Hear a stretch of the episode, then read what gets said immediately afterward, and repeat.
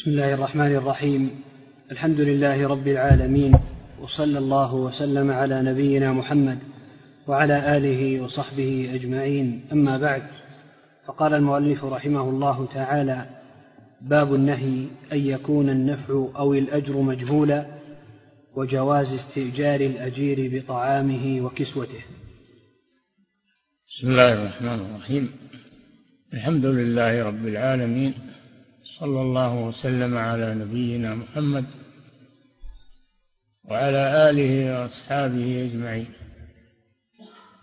قال رحمه الله باب النهي أن يكون الإيجار مجهولا. يعني لا بد من بيان الأجرة أي تبين بمقدارها. لا بد من بيان مقدارها. ولا يكفي أن يتفقا على أن يشتغل وصاحب العمل يعطيه يعطيه أجرته أو يعطيه ما يرضيه أو ما أشبه ذلك. لا بد من تحديد الأجرة لأن الأجرة نوع من البيع لأن لأنها بيع للمنفعة.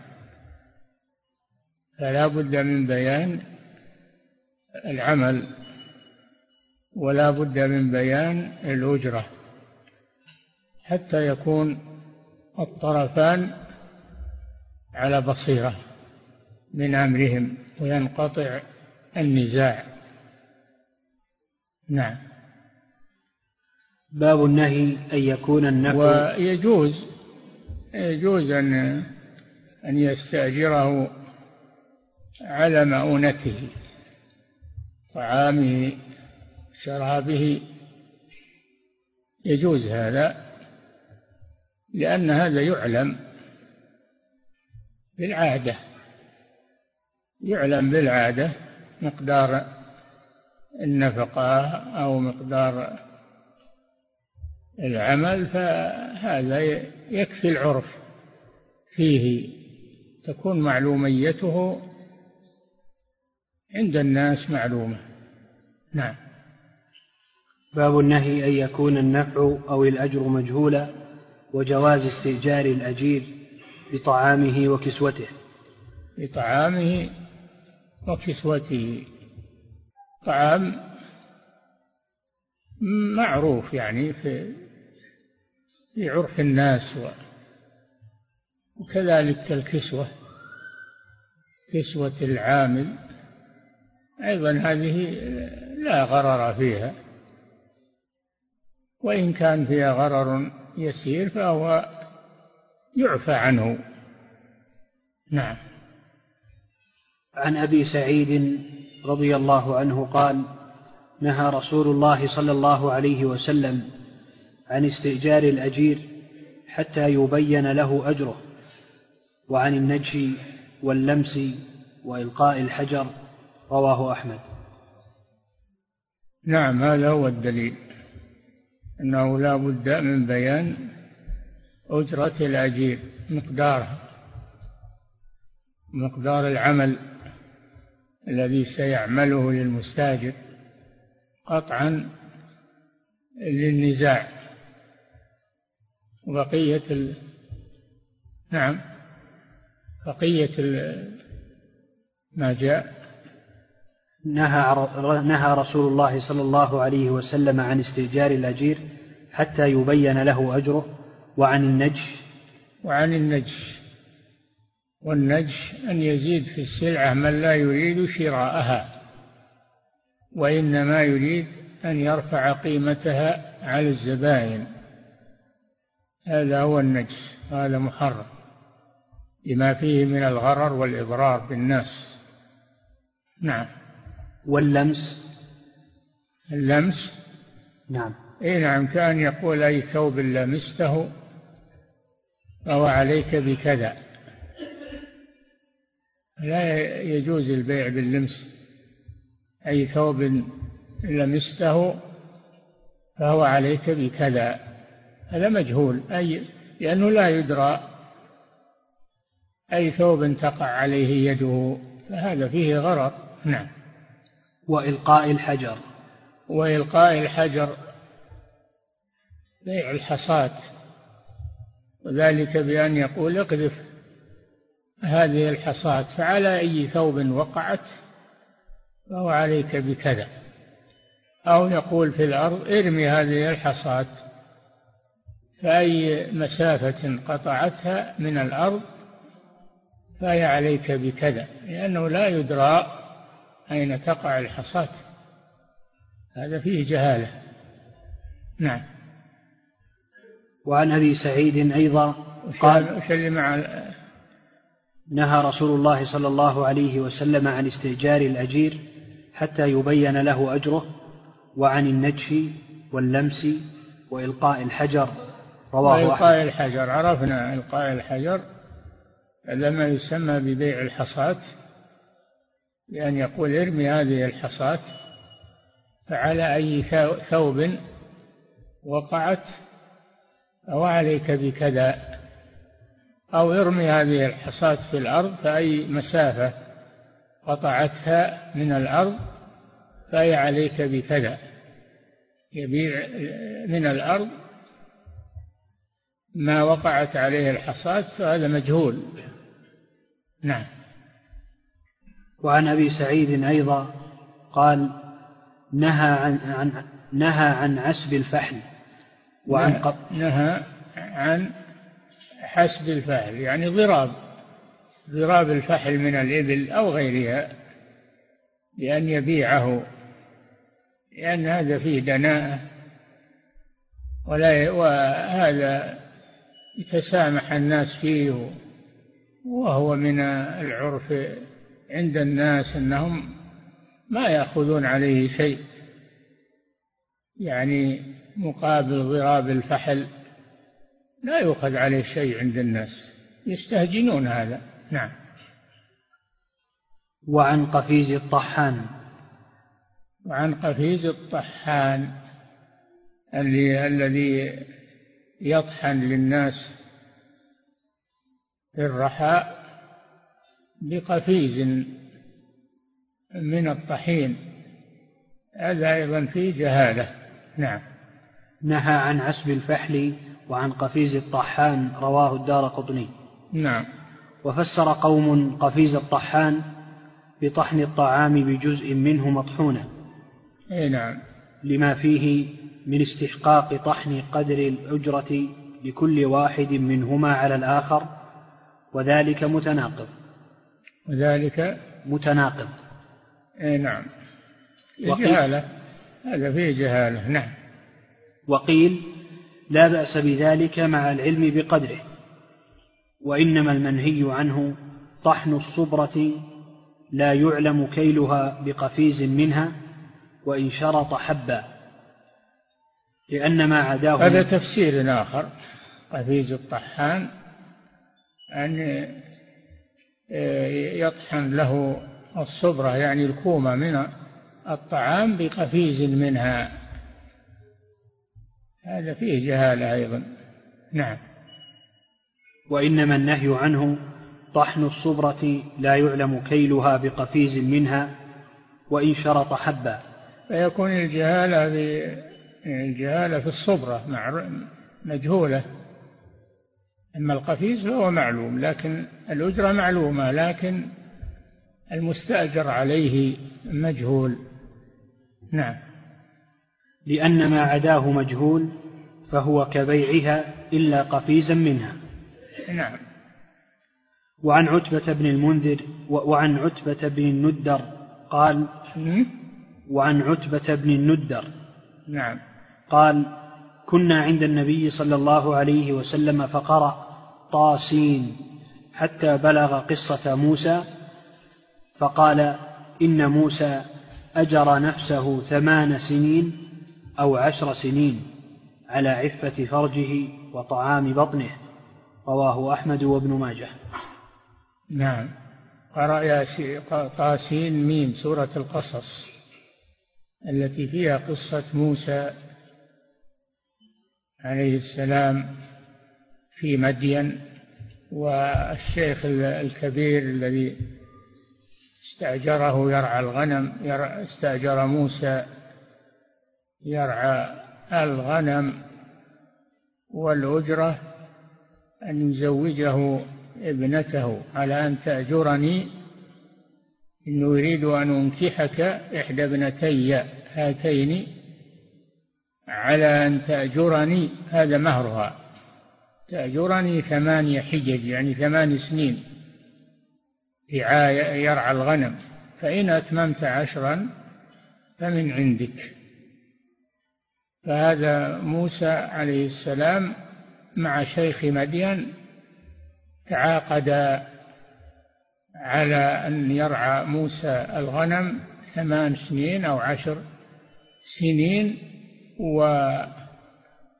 وأجره وأن يزوجه ابنته. نعم. فدل على جواز ذلك على إعفاف فرجه وطعام بطنه عليه الصلاة والسلام. دل على أن هذا جائز والغرر فيه يسير. نعم. باب الاستئجار على العمل مياومة أو مشاهرة أو معاومة أو معاددة. نعم. باب الاستئجار على العمل مياومة. نعم. أو مشاهرة.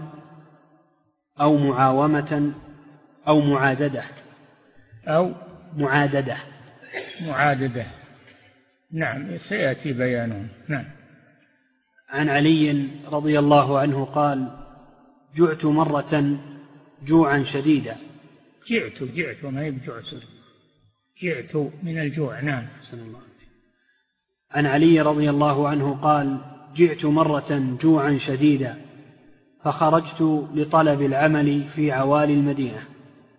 فإذا أنا بامرأة قد جمعت مدرا فظننتها تريد بلة. تريد؟ بلة. نعم. فقاطعتها كل ذنوب على تمرة فمددت ستة عشر ذنوبا حتى مجلت يداي. ثم نعم. أتيت. نعم. هذا علي بن أبي طالب رضي الله عنه جاع صابه الجوع فخرج يلتمس أملا فوجد امرأة عندها هذا العمل أن يسقي هذه الأرض أن يسقي هذه الأرض بأجرة. نعم. فإذا أنا بامرأة قد جمعت مدرا فظننتها تريد بلة. تريد بل المدر يعني الطين. نعم. فقاطعتها كل ذنوب على تمرة. كل ذنوب يعني كل دلو. الذنوب هو الدلو. الذنوب هو هو الدلو. كل ذنوب بتمرة. تقاطع معها دل على جواز مثل ذلك على جواز مثل ذلك. نعم. فمددت ستة عشر ذنوبا حتى مجلت يداي. أي نعم فنزح من البير ستة عشر ذنوبا. يعني سحبها من البير حتى مجلت يداه. يعني أصابها المجل وهو آه، اللي يؤثر في اليد وتنفط اليد من من أثره. تنفط اليد من أثره. نعم. ثم أتيتها.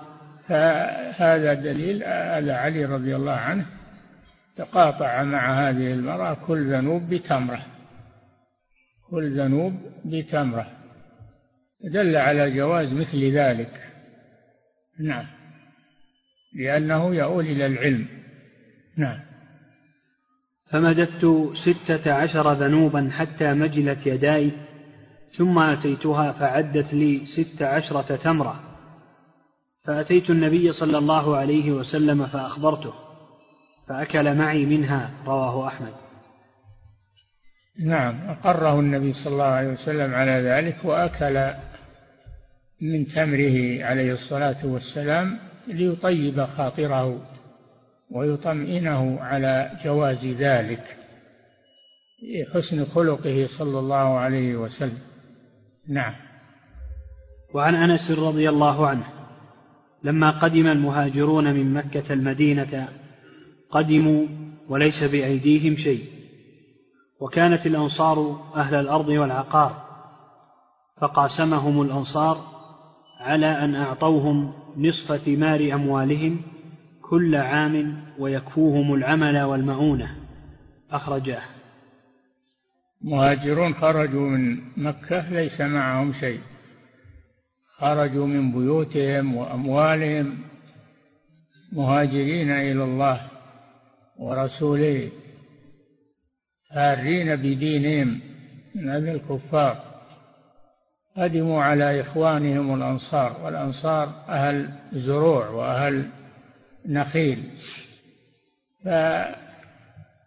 تعاقدوا معهم على أن يعملوا في مزارعهم ونخيلهم. نعم. قال البخاري وقال ابن عمر أعطى النبي صلى الله عليه وسلم خيبر بالشطر. فكان ذلك على عهد النبي صلى الله عليه وسلم وأبي بكر وصدر من خلافة عمر ولم يذكر أن أبا بكر وعمر جدد الإجارة بعدما قبض النبي صلى الله عليه وسلم. خيبر هي آه، أرض زراعية شمالي المدينة بينها وبين المدينة مسافة. وكانت بلاد زراعة وبلاد نخيل. ولما جلى اليهود من المدينة بعد هجرة الرسول صلى الله عليه وسلم ذهبوا إلى خيبر إلى اليهود في خيبر استقروا فيها. غزا النبي صلى الله عليه وسلم خيبر ونصره الله عليهم. نصره الله عليهم وغنم مزارعهم وأشجارهم ونخيلهم. غنيمة للمسلمين. فطلبوا من النبي صلى الله عليه وسلم طلب اليهود من النبي صلى الله عليه وسلم أن يقرهم فيها يعملون في سقي النخيل وزراعة الأرض بشطر يعني بنصف ما يخرج منها. شطر يعني نصف ما يخرج منها من تمر وحب ونحو ذلك. دل على جواز مثل ذلك أن أن المزارعة والمساقات. يجوز أنت أن تكون بالنصف بالربع بالخمس بما يتفق عليه الطرفان. نعم.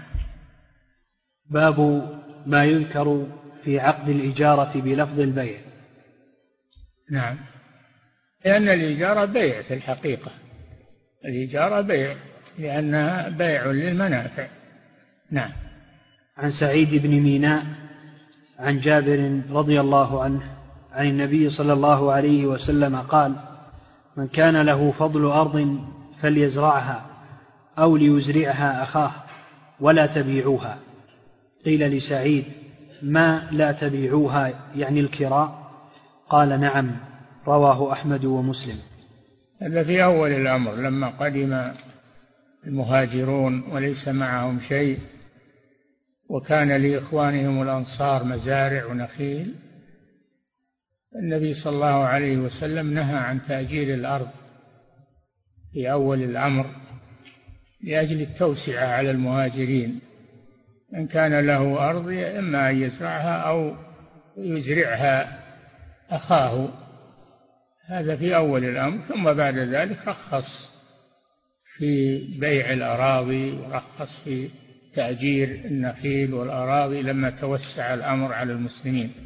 نعم. باب الأجير على عمل متى يستحق الأجرة؟ وحكم سراية عمله. باب ها؟ باب الأجير على عمل متى يستحق الأجرة؟ وحكم سراية عمله. نعم. متى يستحق الأجير الأجرة؟ إذا كان مستأجرا على أن يقوم بعمل. يستحق الأجرة إذا وفى العمل. إذا كمل العمل يستحق الأجرة لأنها في مقابل العمل. أعد. باب الأجير على عمل متى يستحق الأجرة يستحق الأجرة إذا أقام بهذا العمل. نعم. وحكم سراية عمله؟ حكم سراية عمله يعني لو أنه نتج عن عمل تلف شيء تلف شيء من الشجر أو من الزرع نتج عن عمله فإنه لا لا يغرم شيئا من ذلك. نعم. عن أبي هريرة رضي الله عنه قال قال رسول الله صلى الله عليه وسلم يقول الله عز وجل ثلاثة أنا خصمهم يوم القيامة ومن كنت خصمه خصمته. رجل أعطى بي ثم غدر ورجل باع حرا وأكل ثمنه ورجل استأجر اجيرا فاستوفى منه ولم يوفه أجره رواه أحمد والبخاري. هذا حديث قدسي يرويه النبي صلى الله عليه وسلم عن ربه جل وعلا أن الله قال ثلاثة أنا خصمهم يوم القيامة. ومن كنت خصمه خصمته. ثلاثة من استأجر اجيرا هذا واحد. استوفى منه العمل ولم يعطه أجره. قد حث النبي صلى الله عليه وسلم على إعطاء الأجير أجره قبل أن يجف عرقه. قال صلى الله عليه وسلم أعطوا الأجير أجرته قبل أن يجف عرقه. فمن استأجر أجيرا استوفى منه العمل ولم يعطه أجره فإن الله يكون خصمه يوم القيامة. ومن كان الله خصمه فإن الله يخصمه. هذا وعيد شديد. هذا واحد. والثاني من أعطى بي ثم غدر. من أعطى بالله سبحانه. ثم غدر في عقده خان. إن الله يكون خصمه يوم القيامة لأنه استهان بالله عز وجل من ناحية وأيضا غدر في المعاهد وخان المعاهد فهو استحق إثما عظيما ولذلك يكون الله خصمه يوم القيامة. نعم. أعد. ثلاثة. أنا خصمهم يوم القيامة ومن كنت خصمه خصمته. رجل أعطى بي ثم غدر. أعطى بي ثم غدر. عاهد عاهد بالله شخصا عاهد شخصا بالله عز وجل على شيء ثم لم يوفي لمن تعاقد معه بالله عز وجل فيكون الله خصمه يوم القيامة. نعم. ورجل باع حرا وأكل ثمنه. ورجل باع حرا وأكل ثمنه. الذين يسرقون يسرقون الأطفال ويتملكونهم. ثم يبيعونهم فإن الله يكون خصمهم يوم القيامة لأنه لا يجوز استرقاق الحر إلا بمسوغ شرعي كأن يستولى عليهم في القتال بين المسلمين والكفار. فإذا أصاب المسلمون من الكفار ذراري فإنهم يسترقون يكونون رقا ولهذا يقولون الرق عجز حكمي يقوم بالإنسان سببه الكفر. سببه الكفر. استولى عليهم على النساء وعلى الأطفال في المعارك بين المسلمين والكفار فيكون أولاد أولاد الكفار ونساؤهم غنيمة للمسلمين ويكونون أرقا ولا يقتلون. نعم. ورجل استأجر أجيرا فاستوفى منه ولم يوفه أجره. والثالث رجل استأجر أجيرا فاستوفى منه العمل ولم يوفه أجره. يكون الله خصمه يوم القيامة.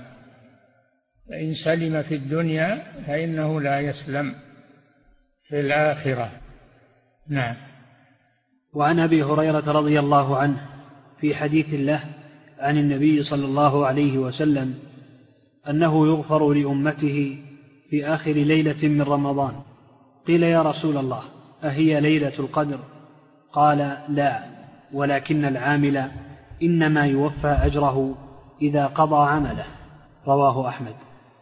ليلة القدر خير من ألف شهر وهي في شهر رمضان. ولكن الله أخفاها في شهر رمضان. كل ليلة من رمضان يحتمل أنها ليلة القدر من أجل أن يجتهد المسلم في كل الليالي فيحصل على قيام رمضان وعلى قيام ليلة القدر. ولو بينت في ليلة معينة لاقتصر الناس عليها. وتركوا بقية الشهر. فلذلك أخفاها الله سبحانه وتعالى في شهر رمضان من أجل أن يجتهدوا في كل الشهر فيحصلوا على الأجرين أجر شهر رمضان وأجر ليلة القدر. هذه هي الحكمة في إخفاء ليلة القدر من أجل مصلحة العباد ليحصل لهم هذا الأجر العظيم. نعم. وعن عمرو بن شعيب عن أبيه عن جده عن لكن الشاهد من قوله قالوا أهي آه ليلة القدر يغفر لهذه الأمة في آخر ليلة من شهر رمضان. قالوا للرسول صلى الله عليه وسلم أهي آه ليلة القدر؟ قال لا. ولكن العامل إنما يوفى أجره إذا قضى عمله. هذا محل الشاهد. أن الأجير إذا وفى العمل فيجب على المستاجر أن يعطيه أجرته ولا يماطل بها أو يقطعها ظلما وعدوانا. نعم. وعن عمرو بن شعيب عن أبيه عن جده عن النبي صلى الله عليه وسلم قال من تطبب ولم يعلم منه طب فهو ضامن. رواه أحمد رواه أبو داود والنسائي وابن ماجه. نعم الطبيب الماهر والمعروف بالطب إذا عالج أحدا ونتج عن علاجه إصابة أو وفاة لا يضمن لا يضمن لأنه طبيب ماهر و آه، لو والسراية لو يؤاخذ بها ما ما عالج أحد. تعطل الناس من من الأطباء. لذلك ما ما يغر لا, لا يغرم الطبيب الماهر.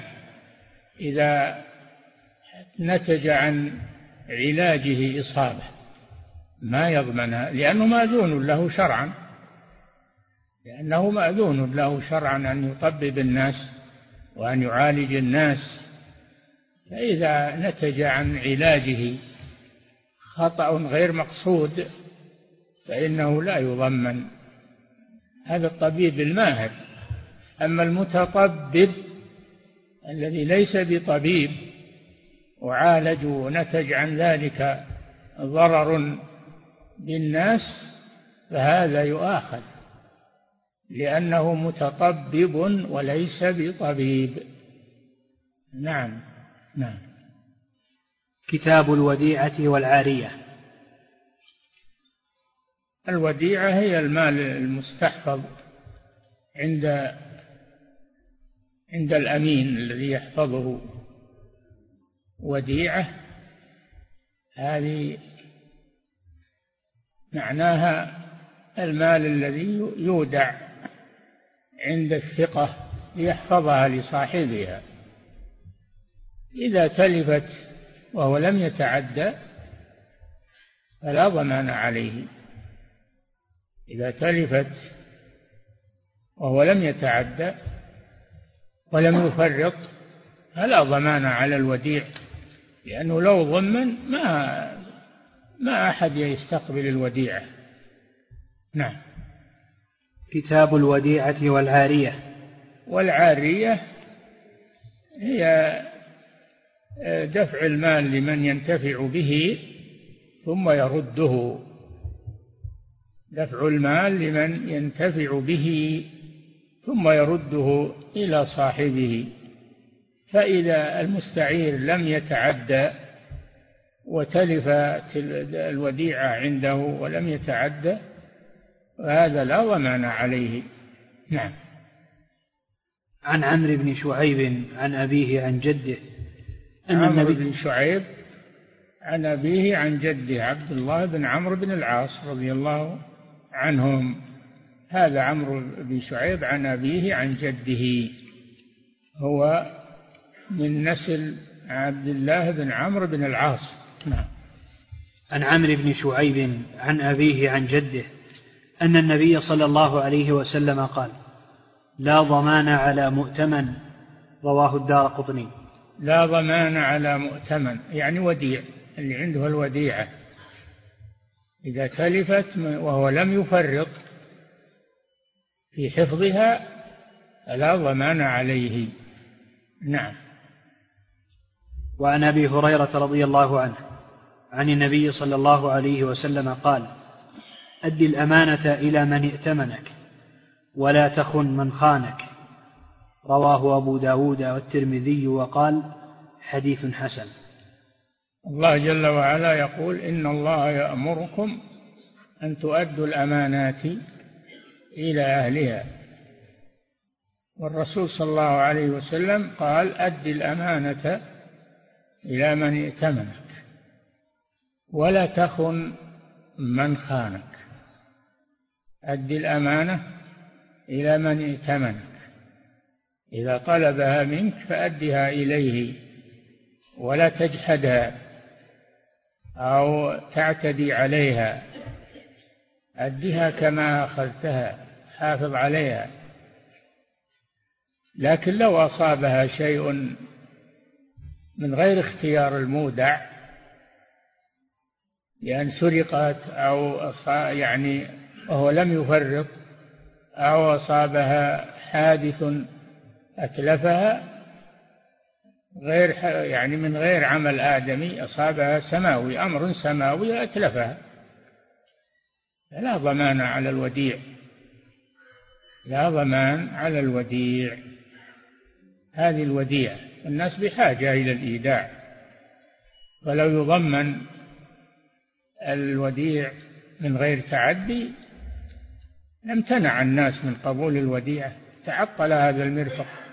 ولذلك لا ضمان عليه إلا إذا تعدى في حفظها أو في استعمالها فإنه يضمن.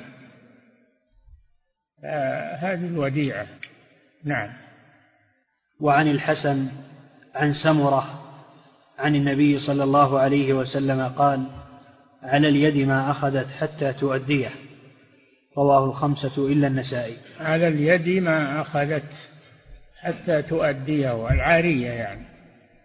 العارية إذا أخذت عارية لتنتفع بها في شيء ثم تردها إلى صاحبها فلا بأس بذلك لكن هي من ضمانك.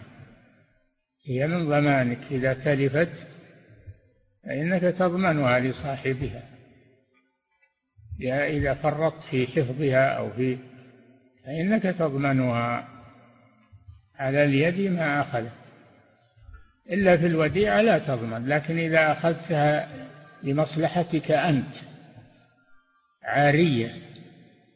أخذتها عارية ما هي وديعة عارية. فلا بد أن تحافظ عليها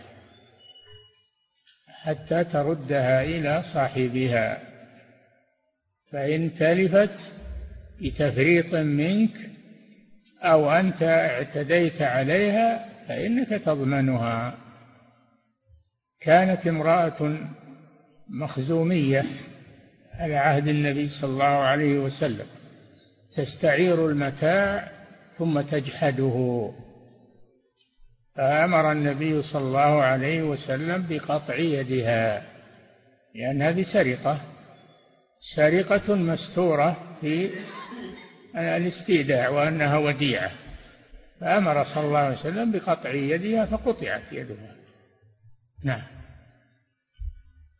عن سمرة رضي الله عنه عن النبي صلى الله عليه وسلم قال على اليد ما أخذت حتى تؤديه رواه الخمسة. على اليد ما أخذت لمنفعتها أخذت من أحد. أخذت من أحد آلة أو أخذت منه إناء أو أخذت منه قدرا أو حبلا صار أمانة عندك تضمنه حتى تؤديه لأنك أخذته لحظ نفسك أخذته لحظ نفسك وللانتفاع به فأنت مسؤول عنه. نعم. على اليد ما أخذت حتى تؤديه رواه الخمسة إلا النسائي. زاد هذا في فرق بين بين الوديعة وبين ما أخذته اليد لتعمل لتنتفع به. صار لحظ لحظ الآخذ لحظ الآخذ. فإذا تلف يضمنه. أما الوديعة فهي لحظ صاحبها يحفظها الإنسان لحظ صاحبها وما له منها مصلحة. نعم. ففي فرق بين الوديعة وبين ما تأخذه لتنتفع به أخذت قدرا لتطبخ به أخذت حبلا أخذت دلوا لتنتفع به أنت أخذته لحظ نفسك. يكون من ضمانك حتى تؤديه. نعم. زاد أبو داود والترمذي. قال قتادة ثم نسي الحسن فقال هو أمينك لا ضمان عليه. يعني العارية. نعم. قال قال قتادة ثم نسي الحسن فقال نسي قتادة بن دعامة من من من علماء التابعين نعم. قال قتادة ثم نسي الحسن. ابن عباس نعم. قال قتادة ثم نسي الحسن. الحسن البصري يعني نعم. فقال هو أمينك لا ضمان عليه يعني العارية. أي نعم الحسن يقول المستعير أمينك أنت ثمنته ولذلك عرته. لا ضمان عليه هذا عكس الحديث. الحديث يقول على اليد ما أخذت. إذا كانت أخذته لنفعها هي حتى تؤديه. أما لو أخذته لتحفظه وديعة فهذا يختلف. نعم. وعن صفوان بن أمية أن النبي صلى الله عليه وسلم استعار منه يوم حنين أدراعا فقال أغصبا يا محمد؟ قال بل عارية مضمونة. قال فضاع بعضها فعرض عليه النبي صلى الله عليه وسلم أن يضمنها له. فقال أنا اليوم في الإسلام أرغب. رواه أحمد وأبو داود. صفوان بن أمية معروف. صفوان بن أمية تأخر إسلامه رضي الله عنه. وفي غزوة حنين كان عنده أدراع. خرجوا في غزوة حنين ناس من قريش وهم على كفرهم. خرجوا يبي إيش يحصل بين الرسول وبين المشركين. خرجوا وهم لم يسلموا. ومنهم صفوان بن أمية. ثم من الله عليهم بالإسلام فأسلموا.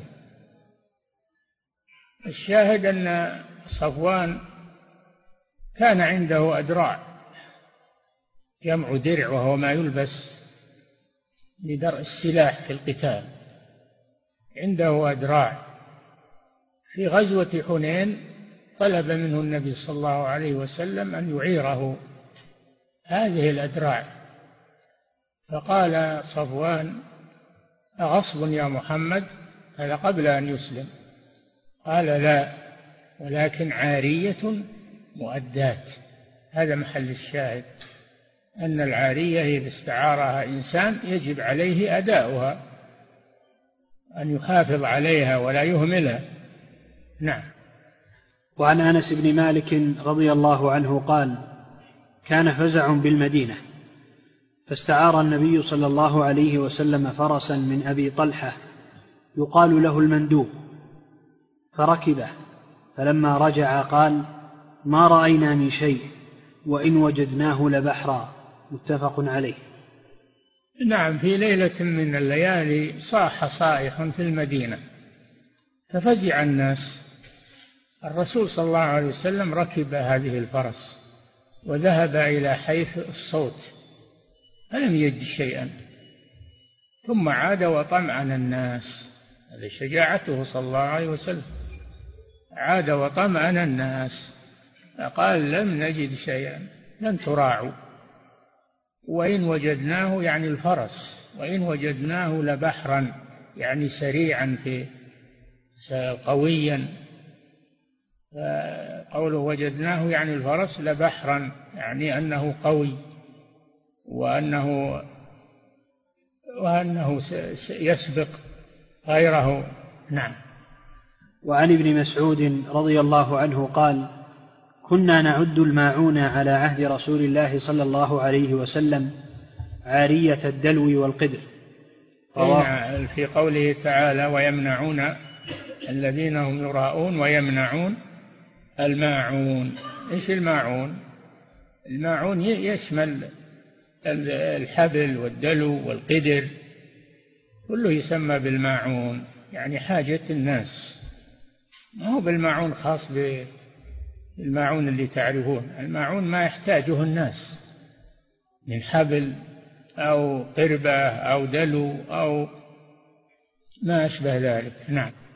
وعن عائشة رضي الله عنها. عدو وعن ابن مسعود رضي الله عنه قال كنا نعد الماعون على عهد رسول الله صلى الله عليه وسلم عارية الدلو والقدر. شوف عارية الدلو والقدر.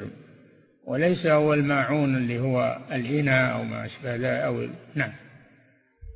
رواه أبو داود.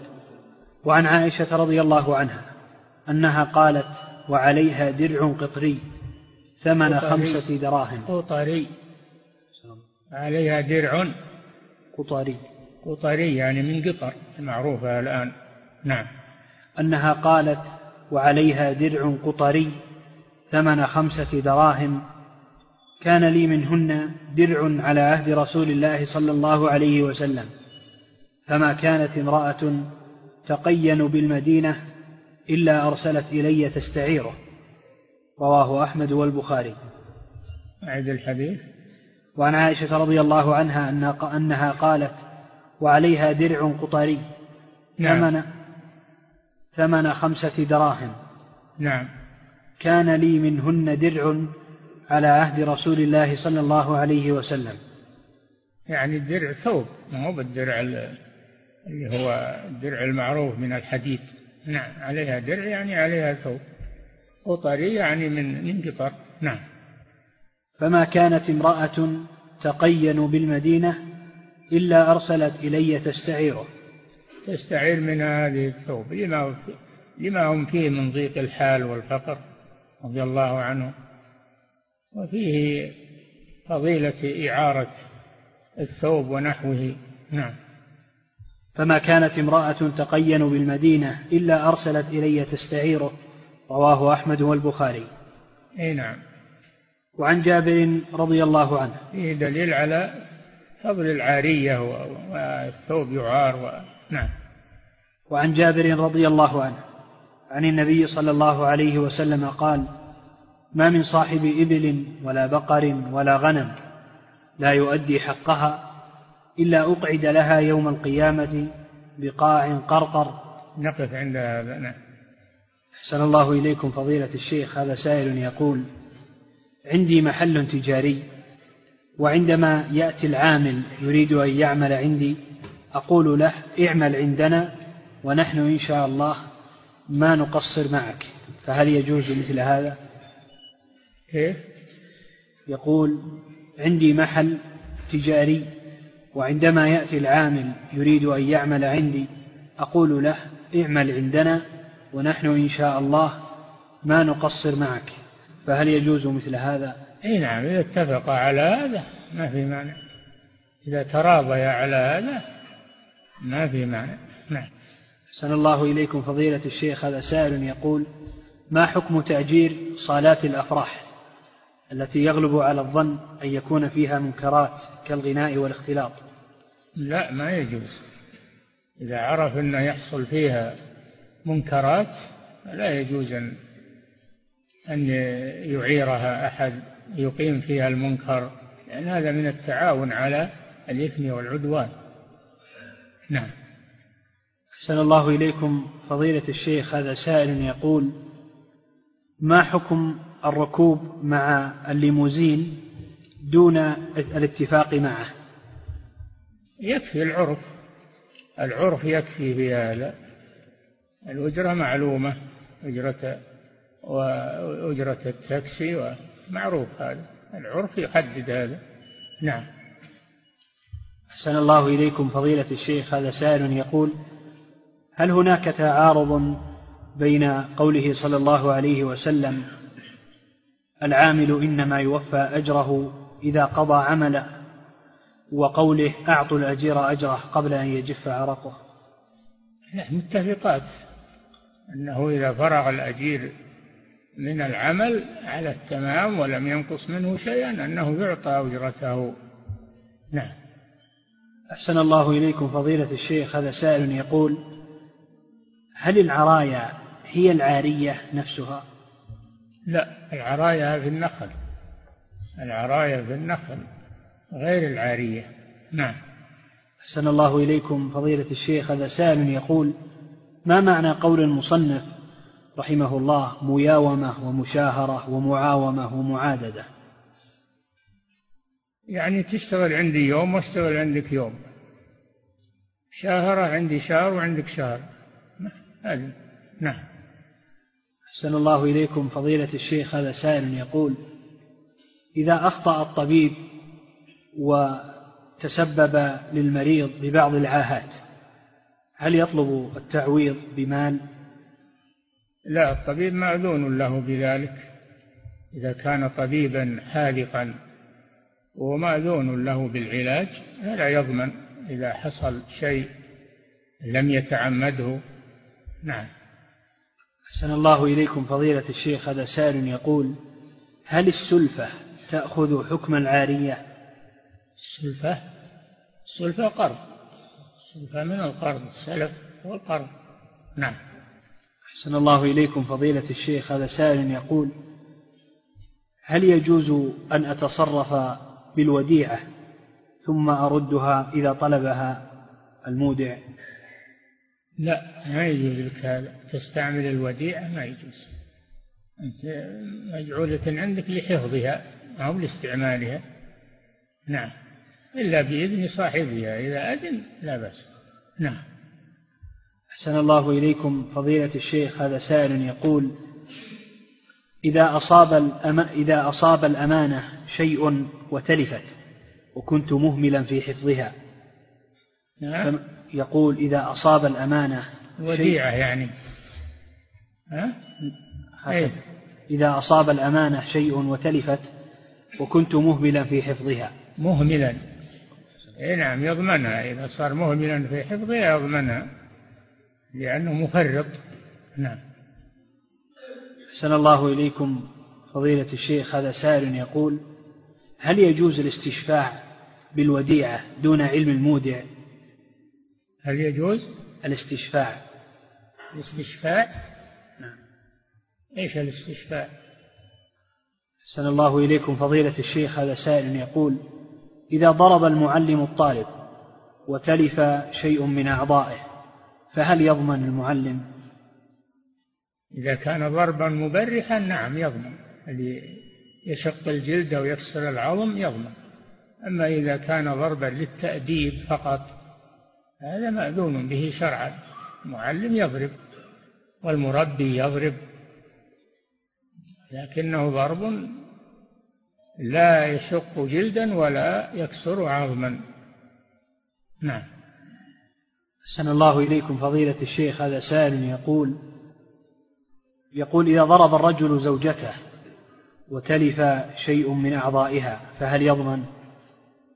الضرب اللي يتلف شيئا من الأعضاء هذا متعدي. ما هو الضرب المأذون فيه؟ الضرب المأذون فيه ما يشق جلد ولا يكسر عظما غير مبرح. نعم. أحسن الله إليكم فضيلة الشيخ هذا سائل يقول الطبيب الماهر إذا أخطأ نتيجة لاستهتاره. استهتاره؟ نعم. من من يضبط استهتاره؟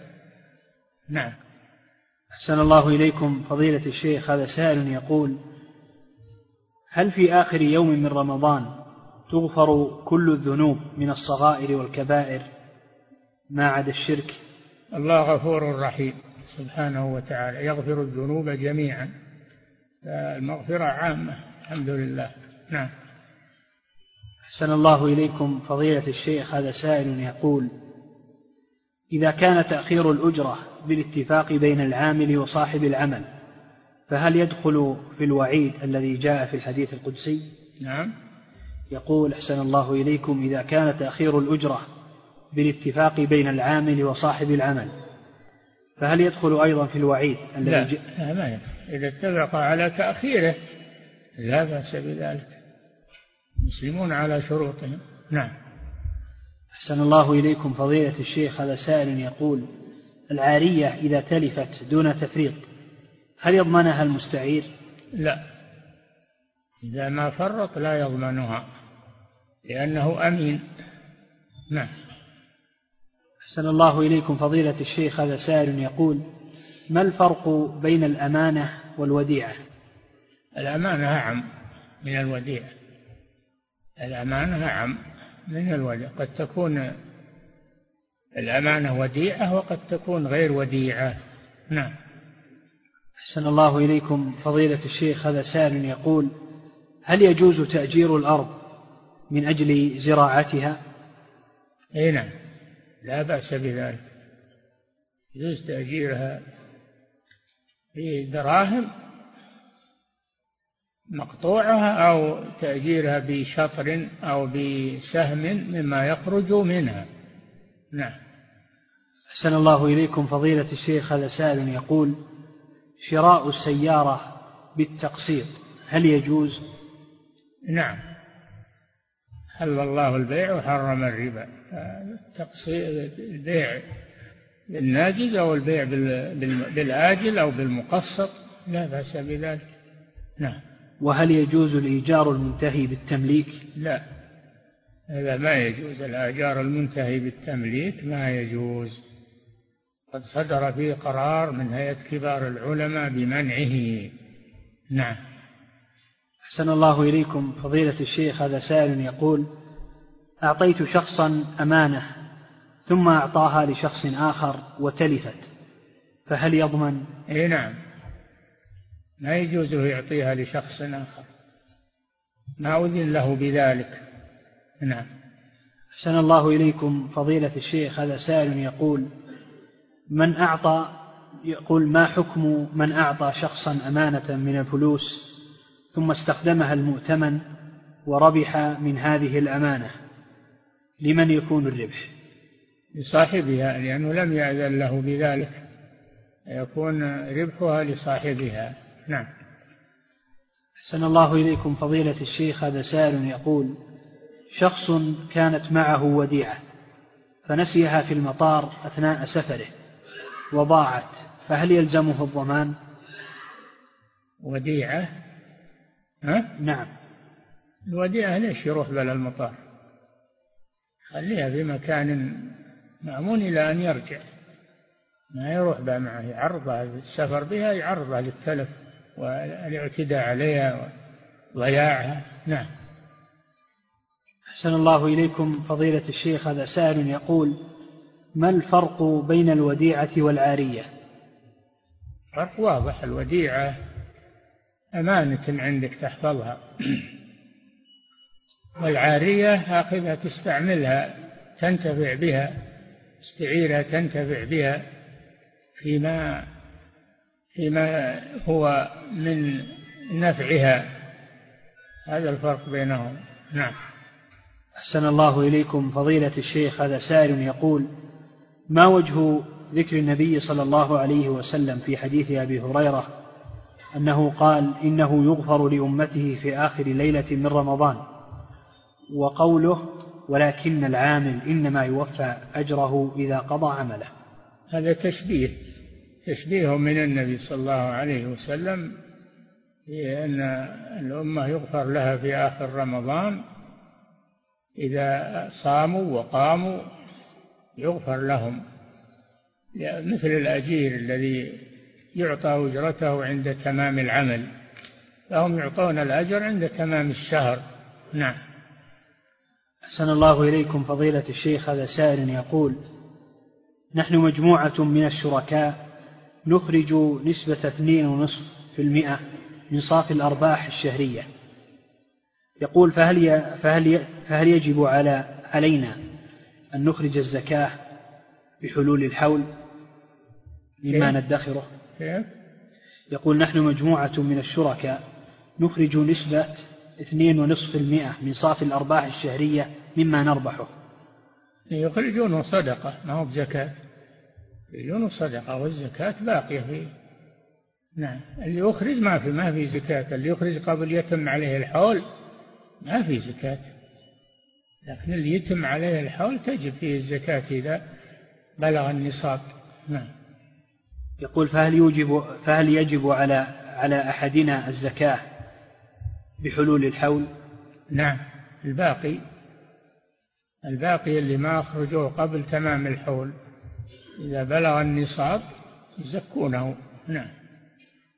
أحسن الله إليكم. فضيلة الشيخ هذا سائل يقول هل يجوز الزواج بالمنفعة المقدمة للزوجة وأهلها نعم. يقول هل يجوز الزواج بالمنفعة المقدمة للزوجة وأهلها دون نعم. تقديم مهر لهم؟ نعم المنفعة تكون مهرا. مثل قصة موسى عليه السلام. المنفعة تكون لأن المنفعة متقومة بالمال. نعم.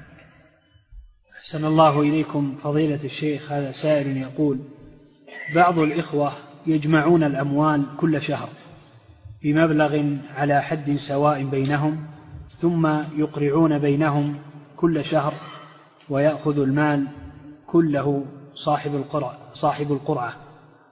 يقول فهل تجوز هذه المعاملة؟ إذا إذا تبرعوا بذلك وطابت به نفوسهم فلا بأس. نعم.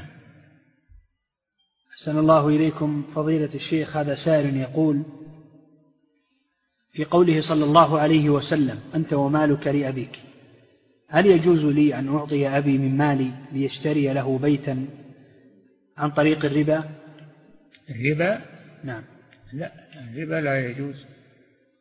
لا يجوز الربا. الربا يمحق الله الربا ويربي الصدقات. نعم. أحسن الله إليكم فضيلة الشيخ. هذا سائل يقول هل لي أن أضرب ابني الذي بلغ أكثر من عشر سنين؟ إذا كان يصلي في البيت ولا يصلي في المسجد. نعم إذا كان في بيتك ولا يصلي في المسجد فإنك تضربه حتى يصلي في المسجد. نعم. أحسن الله إليكم فضيلة الشيخ هذا سائل يقول نحن مجموعة من المدرسين نصلي الظهر في مصلى صغير في قسمنا مع العلم أن هناك مصلى كبير. نحن يقول نحن مجموعة من المدرسين نصلي الظهر في مصلى صغير في قسمنا مع العلم أن هناك مصلى كبير قريب منا لكن الزملاء يرفضون الصلاة فيه بحجة سوء الرائحة فيه بسبب عدم اهتمام الطلاب بملابسهم. فهل فعلنا صحيح؟ إذا كان أنه فيه رائحة كريهة هذا عذر لكم. إذا كان فيه رائحة كريهة هذا عذر لكم ما في شك. هذا من الأذى نعم. أحسن الله إليكم فضيلة الشيخ هذا سائل يقول هل يجوز تفسير القرآن بفهم الإنسان دون الرجوع إلى التفاسير ويحتفظ به لنفسه ولا يخبر به أحد لا يجوز لا يجوز يفسر القرآن برأيه. لا بد يرجع إلى التفاسير الموثوقة ويأخذ التفسير منها. تفسير الآيات التي يريدها يأخذها من التفاسير الموثوقة ولا يفسرها من عنده برأيه. نعم. أحسن الله إليكم فضيلة الشيخ هذا سائل يقول لماذا يقدم المؤلف رحمه الله لماذا يقدم المصنف رحمه الله الإمام أحمد على البخاري ومسلم؟ فيقول رواه أحمد والبخاري. لأنه شيخهم الإمام أحمد هو شيخ البخاري ومسلم وأبي داود هو شيخهم رحمه الله. نعم. أحسن الله إليكم فضيلة الشيخ هذا سائل يقول تزوجت امرأة ولم يخرج منها دم ليلة الدخلة. وقلت لها على مرات متباعدة أنت لست ببكر. ثم طلقتها بعد مدة. فهل يعد كلامي لها قذفا؟ اي نعم. هذا لا يجوز الكلام هذا. أنت لست ببكر يعني معناها أنك سبق لك وطء فهذا كلام فظيع. نعم.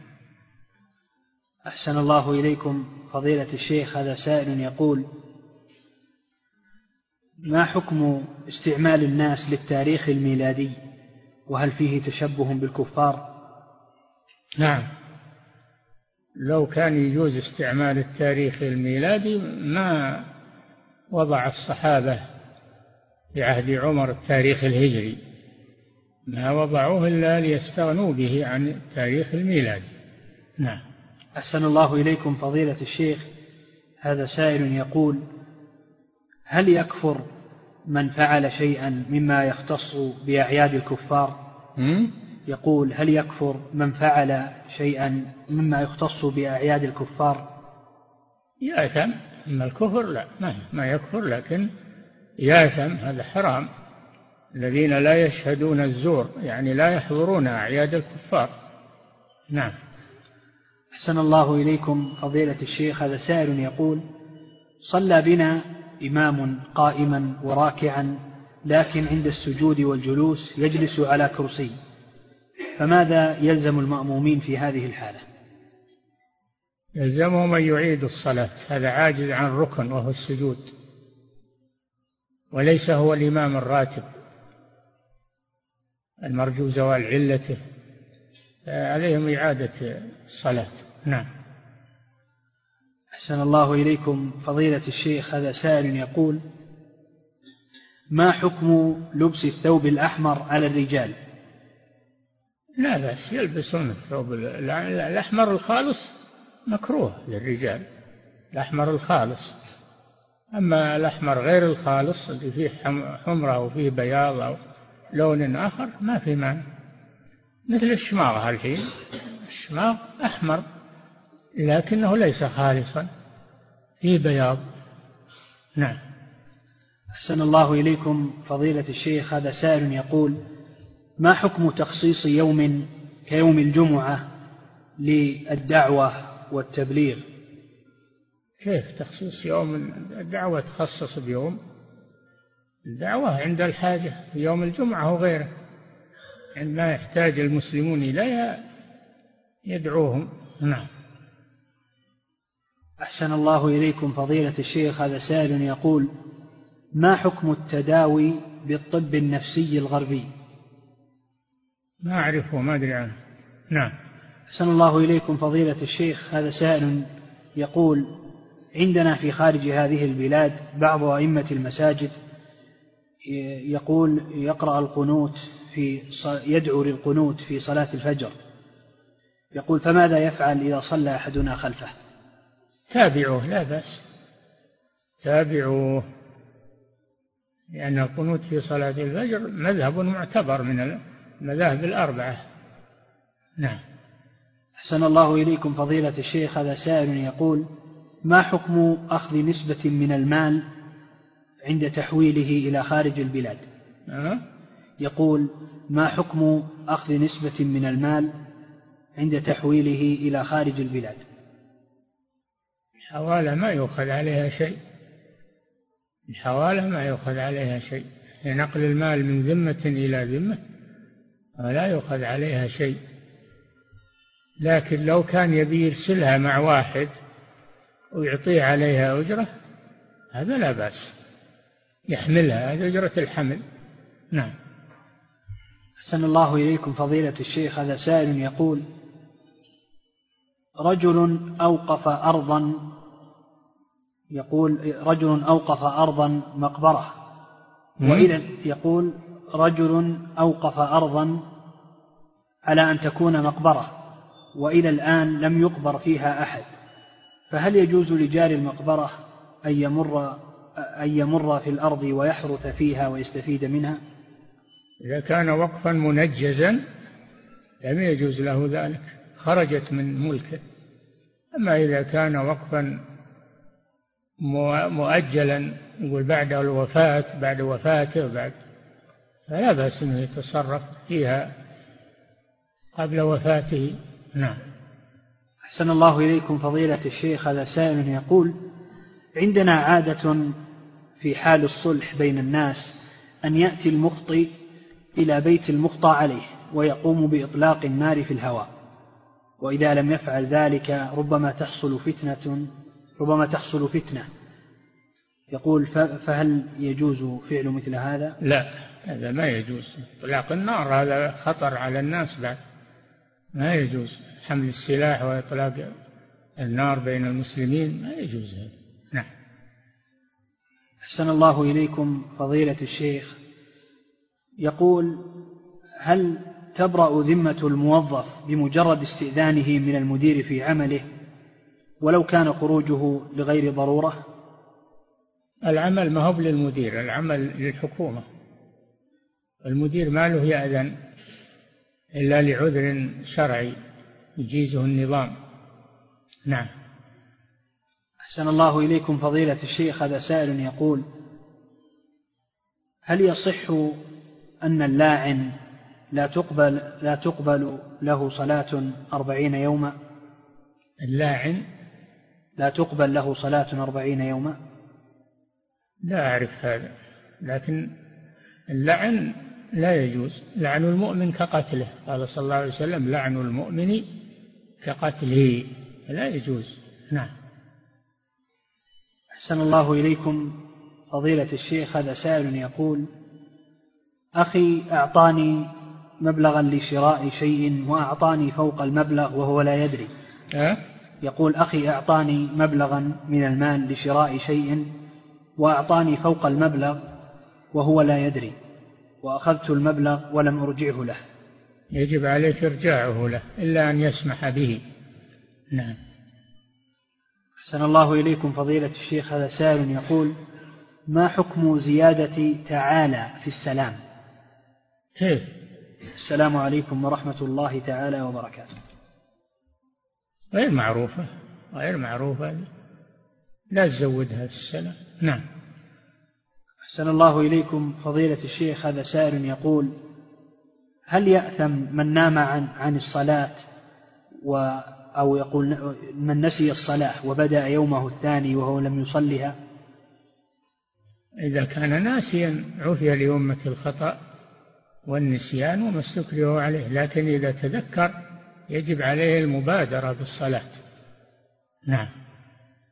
أحسن الله إليكم فضيلة الشيخ. هذا سائل يقول هل يجب إعلان قيمة المهر يقول للشاهدين والحضور؟ لا. ما يجب. المهر بين ولي المرأة وبين الزوج. ولو ما دري وشهود نعم.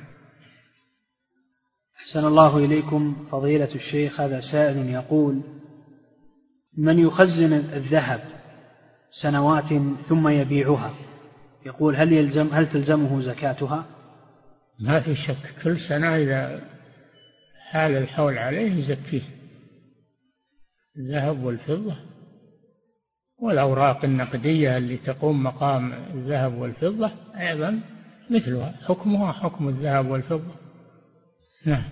أحسن الله إليكم فضيلة الشيخ هذا سائل يقول ما حكم قول الخائن يخونها الله؟ وقول الله يلوم اللي يلومك الله لا يخون سبحانه وتعالى لكن يعاقب يعاقب الخائن. نعم. فلا تنسب الخيانة لله عز وجل. نعم.